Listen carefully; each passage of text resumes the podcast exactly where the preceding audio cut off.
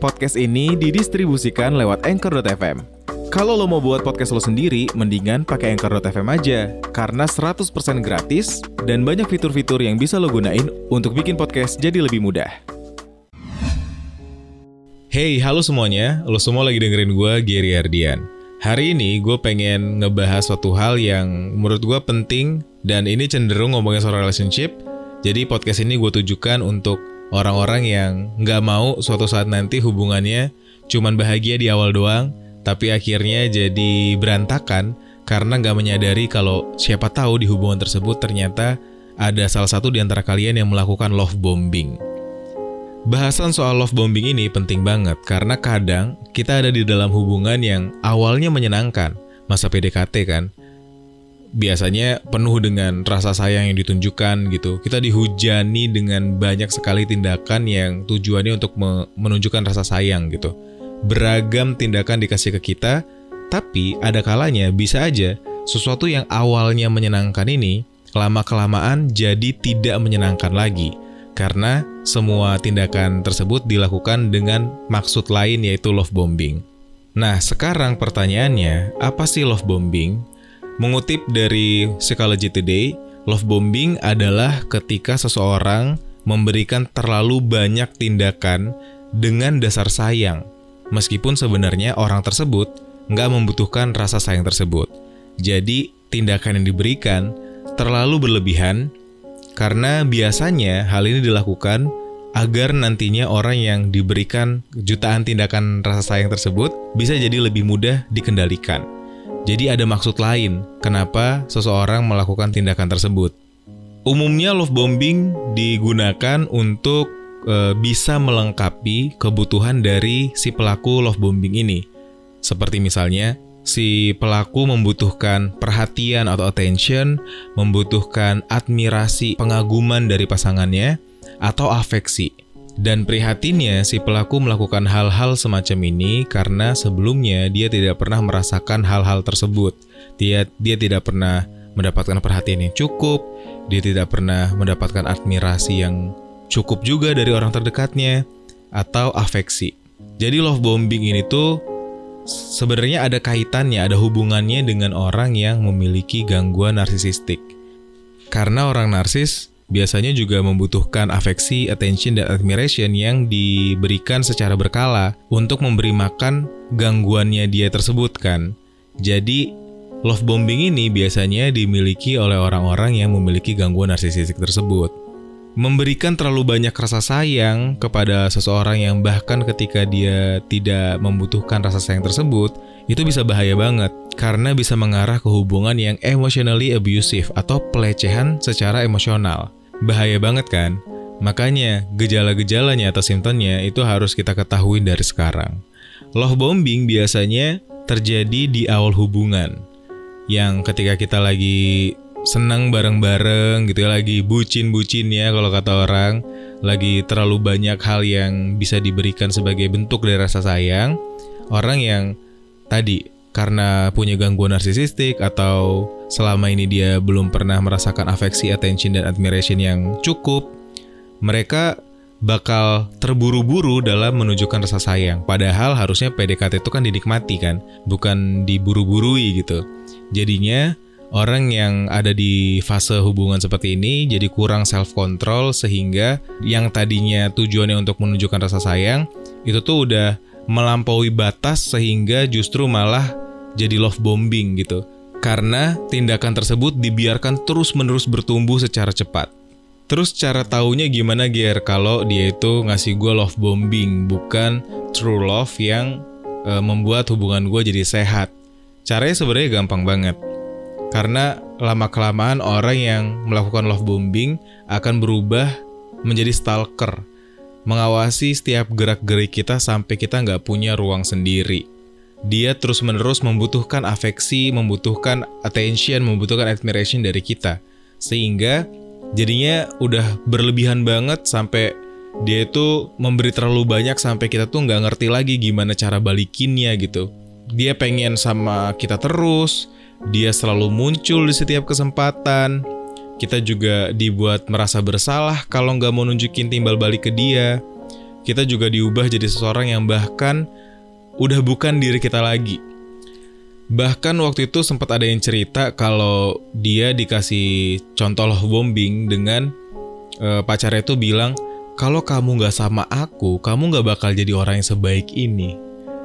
Ya, kalimat itu menurut gue udah udah contoh love bombing banget ya karena uh, ada manipulasi gitu di sana kita dibuat merasa seolah-olah apa pun hal yang baik di dalam hidup kita ini terjadi karena dia, karena kita ngejalan hubungan sama dia, sehingga kita harus tetap sama dia, sehingga kita harus bersyukur sekali punya dia. Pokoknya kalau konteksnya rasa sayang yang ditunjukkan, apa yang dilakukan oleh orang yang sedang memberikan love bombing itu too good to be true gitu. Seolah-olah kayak ini tuh ya too much lah, berlebihan sekali. Padahal uh, ya di awal jadinya bisa bikin orang di awal ngerasa kayak disayang banget sehingga nggak sadar kalau ini tuh sedang love bombing. Nah, pertanyaan selanjutnya adalah kenapa sih seseorang bisa melakukan love bombing kepada pasangannya? Yang katanya bahkan love bombing itu tuh dilakukan secara tidak sadar. Jadi banyak yang nggak sadar kalau dia sedang uh, memberikan rasa sayang yang berlebihan kepada pasangannya dengan tujuan nantinya supaya dia mendapatkan timbal balik yang uh, mungkin pasangannya nggak bisa memberikan hal tersebut juga gitu. Seseorang yang melakukan love bombing biasanya memiliki kesalahpahaman dalam memaknai rasa sayang yang ideal.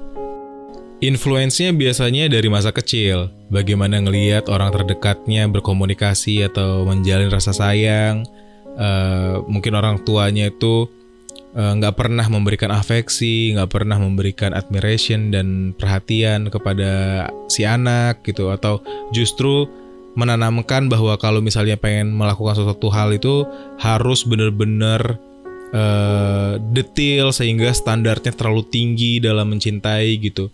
Ya hal-hal semacam itu jadinya uh, membentuk uh, pola pikir si anak untuk jadinya ia merasa perlu untuk memberikan banyak rasa sayang, banyak tindakan untuk akhirnya bisa di diakui bahwa dia sedang memberikan hal tersebut. Nah, karena rasa yang muncul adalah rasa yang berasal bukan dari rasa cinta yang sebenarnya, karena ada kesalahpahaman dalam memaknai rasa sayang yang ideal tersebut, sering kali love bombing ini e, muncul dengan menggunakan perilaku yang manipulatif sehingga menimbulkan fear atau ketakutan, menimbulkan obligation dan guilty. Ada loh yang ketika lagi ngejalan hubungan, dia bisa terang-terangan bilang aku tuh butuh diperhatiin karena aku nggak dapat perhatian ini dari orang tua gitu. Jadi dia ngebuat pasangannya merasa bersalah kalau misalnya nggak memberikan attention. Bisa juga bisa juga seseorang yang melakukan love bombing bikin pasangannya merasa mencintai si pelaku ini tuh adalah sebuah kewajiban, sebuah hal yang perlu untuk terus-menerus dilakukan. Padahal si pasangan mungkin gak pengen ngelakuin hal tersebut terus-menerus, tapi karena dibikin gak enak, jadi ah, karena mungkin si si pelaku love bombingnya juga melakukan hal yang sama gitu. Misalnya sleep call gitu ya aku tuh pengen tiap malam kita teleponan. Karena uh, aku tuh nggak bisa tidur kalau misalnya kamu nggak nggak sleep call aku gitu misalnya. Jadi sebuah kewajiban ini tuh bisa jadi salah satu bentuk love bombing juga. Karena kita jadinya ngejalaninnya bukan sukarela kan. Sedangkan melakukan tindakan dalam satu hubungan nggak boleh terpaksa gitu. Karena sering kali kita dibikin merasa bersalah kalau nggak melakukan hal tersebut. Hal ini tuh bisa terjadi karena si pelaku love bombing itu tuh minim self worth atau dia tuh ngerasa dirinya nggak layak karena tadi pengalaman di masa lalunya yang ngebuat dia nggak tahu sebenarnya uh, kalau attention, afeksi, terus admiration itu tuh nggak melulu harus datang dari orang lain. Bisa jadi kita yang melakukan kepada diri kita sendiri karena kita tahu value di dalam diri kita. Tapi kalau kita nggak mengetahui hal tersebut, kita jadinya craving kita mengharapkan gitu dari orang lain karena kita sendiri nggak bisa memenuhi hal, hal tersebut. Untuk lo yang pengen buat podcast lo sendiri, coba deh pakai aplikasi yang sama kayak yang gue gunain untuk bikin podcast kayak gini, Anchor.fm. Cara buatnya itu gampang banget dan juga 100% gratis. Selain gampang banget digunain, semua yang kita perluin untuk ngebuat podcast juga ada di Anchor.fm, termasuk untuk distribusi ke Spotify dan platform podcast lainnya. Buruan download aplikasi Anchor FM biar lo bisa juga buat podcast kayak gue. Love bombing bisa juga terjadi karena proses pendekatan yang terlalu cepat. Padahal harusnya pendekatan itu dinikmatin.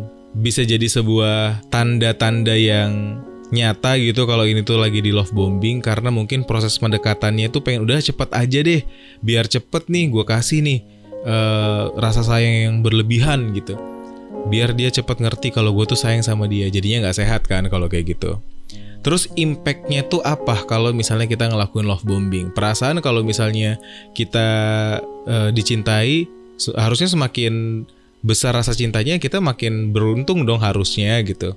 Nah sayangnya impactnya tuh banyak banget. Memang berat uh, di awal kita sadarin hal ini karena human nature banget kan. Kita pengen dicintai dan diperlakukan istimewa. Ketika ada orang yang eh, memperlakukan kita istimewa terus uh, menunjukkan tindakan yang uh, tendensinya untuk mencintai kita ya kita senang harusnya gitu. Tapi dari love bombing ini atau yang mencintai secara berlebihan ini dihujani huj, uh, dihujani cinta terus menerus ini bakal membuat kita jadi kodependensi kita itu bergantung sama dia dan ketika kita udah bergantung kita udah nggak jadi uh, diri kita lagi kita udah nggak berdiri di kaki kita sendiri kita bakal berubah jadi orang lain yang mungkin nggak pernah kita bayangin sebelumnya karena kita berusaha untuk memenuhi juga apa yang jadi ekspektasi si pelaku love bombing ini. Berubahnya kita itu tuh jadi ada di luar kendali kita. Kita jadi nggak tulus dalam memberikan rasa sayang. Karena tadi, kayak ada kewajiban dalam melakukan hal tersebut. Kita dibuat merasa bersalah kalau nggak ngelakuin hal tersebut. Kita tuh kayak seolah-olah melakukan hal ini tuh seperti ada di bawah rasa takut gitu. Karena kita ada di kendalinya seseorang. Terus gimana caranya untuk uh, berhenti love bombing atau keluar dari situasi ini. Pertama-tama mungkin kita bisa uh, mulai untuk melihat, menyadari apa yang sebenarnya terjadi. Apakah kita selama ini terlalu berlebihan dalam mencintai atau tidak? Dengan mungkin kita mempertanyakan, kalau kita akhir-akhir ini tindakan kita itu suatu hal yang dibutuhkan pasangan kita atau enggak? Karena bisa jadi karena kita yang terlalu pengen memberikan rasa sayang, akhirnya kita memberikan suatu hal yang nggak dikasih, yang nggak dipengenin sama pasangan kita. Jadi don't over love, kasih aja dulu apa yang pasangan kita butuh. Kalau misalnya dia bilang kok kamu akhir ini berubah, kayak sekarang jadi nggak peka, nah kamu harus bisa mulai mendiskusikan kepada pasangan kalau kamu tuh pengennya sekarang apa yang dipengenin kita harus komunikasiin karena bisa jadi apa yang akhir-akhir ini aku lakuin itu adalah salah satu contoh love bombing. Kasih pengertian tuh ke dia. Karena kadang ada orang yang juga seneng di love bomb. Ada orang yang seneng diposesifin gitu kan. Padahal itu nggak sehat. Tapi ya dia nggak sadar juga kalau itu nggak sehat. Makanya uh, komunikasi buat diskusi ini tuh penting banget. Selanjutnya kita bisa mulai untuk self control. Mengatur, mengelola, mengendalikan diri kita untuk uh, tidak selalu pengen uh, memberikan suatu hal kepada orang lain. Bisa dimulai dengan uh, memberikan boundaries yang sehat kepada diri kita sendiri juga gitu. Sebenarnya tujuan kita ngejalin hubungan itu apa? Karena tanpa tujuan ya hubungannya nggak bakal ke mana-mana. Mungkin ini perlu disadarin kalau ngejalin hubungan tuh bukan cuma soal perasaan doang. Kita tuh perlu membangun suatu hal supaya kedua belah pihak lambat laun bakal jadi orang yang lebih baik juga sehingga hubungan yang kita jalani membawa manfaat kepada kita bukan justru sebaliknya. Nah, karena sering kali love bombing itu tuh datang dari seseorang yang gak sadar kalau dia sedang melakukan love bombing, mendiskusikan hal ini juga bukan hal yang mudah. Kita harus mempersiapkan diri kita dulu ketika mau berdiskusi soal hal ini, karena bisa aja dia membuat kita merasa bersalah karena sudah membahas hal ini. Jadi siap-siap untuk mengelola situasi yang kira-kira bakal terjadi ketika mau mendiskusikan bahwa apa yang pasangan kita lakukan selama ini ternyata love bombing gitu. Selanjutnya karena bentuk dari love bombing ini adalah salah satu simptom dari narcissistic personality disorder, maka ada baiknya jika kita merasa nggak bisa mengendalikan hal tersebut hanya dengan diri kita sendiri, it's okay to reaching out help from professionals kayak psikolog atau psikiater. Karena dengan begitu kita bisa jadi lebih punya pandangan baru dari orang ketiga, dari sudut pandang orang ketiga untuk membantu kita menyelesaikan masalah yang kita milikin. Karena menjalin hubungan tuh harusnya dinikmatin, bukan jadi justru ngerasa diawasin. Kita juga bisa mulai tanya sama teman terdekat kalau emang kita rasa kita punya teman yang bisa melihat dari sudut pandang yang netral gitu dalam melihat uh, hubungan kita sebagai mungkin langkah pertama lah sebelum kita berkunjung ke profesionals. Gua rasa itu aja yang bisa gue sampaikan di podcast kali ini. Gue ngerti betul kalau love bombing ini tuh adalah salah satu hal yang sangat biasa dialami oleh anak muda. Jadi jangan ngerasa diri lo salah ketika uh, memberikan rasa cinta yang berlebihan sampai akhirnya ngebuat hubungan kalian gak sehat. Yang penting uh, kalian masih punya kesanggupan untuk belajar terus jadi orang yang lebih baik dan meninggalkan habit yang selama ini kita lakukan gitu. Karena rasa cinta yang dimiliki oleh pelaku love bombing bisa jadi nggak salah, emang itu adalah true love gitu emang itu adalah hal yang bener-bener nyata gitu rasa cintanya. Dan bisa jadi bukti kalau mereka itu adalah orang yang loyal dan setia sama kita. Tapi karena caranya salah jadi ngebuat hubungan jadi nggak sehat. Itu aja. Jadi yang harusnya diperbaikin hanya tindakannya aja. Jadi jangan overlove karena overlove dari seseorang bisa membuat pasangannya menjadi bertindak di atas kemauannya sendiri. Dan itu tidak mencerminkan hubungan yang sehat. Kalau lo masih punya pertanyaan seputar love bombing, langsung aja DM gue di Instagram atau join grup Telegram gue Rasa Loka. Semuanya ada di link tree yang ada di description box. Sampai jumpa di podcast selanjutnya.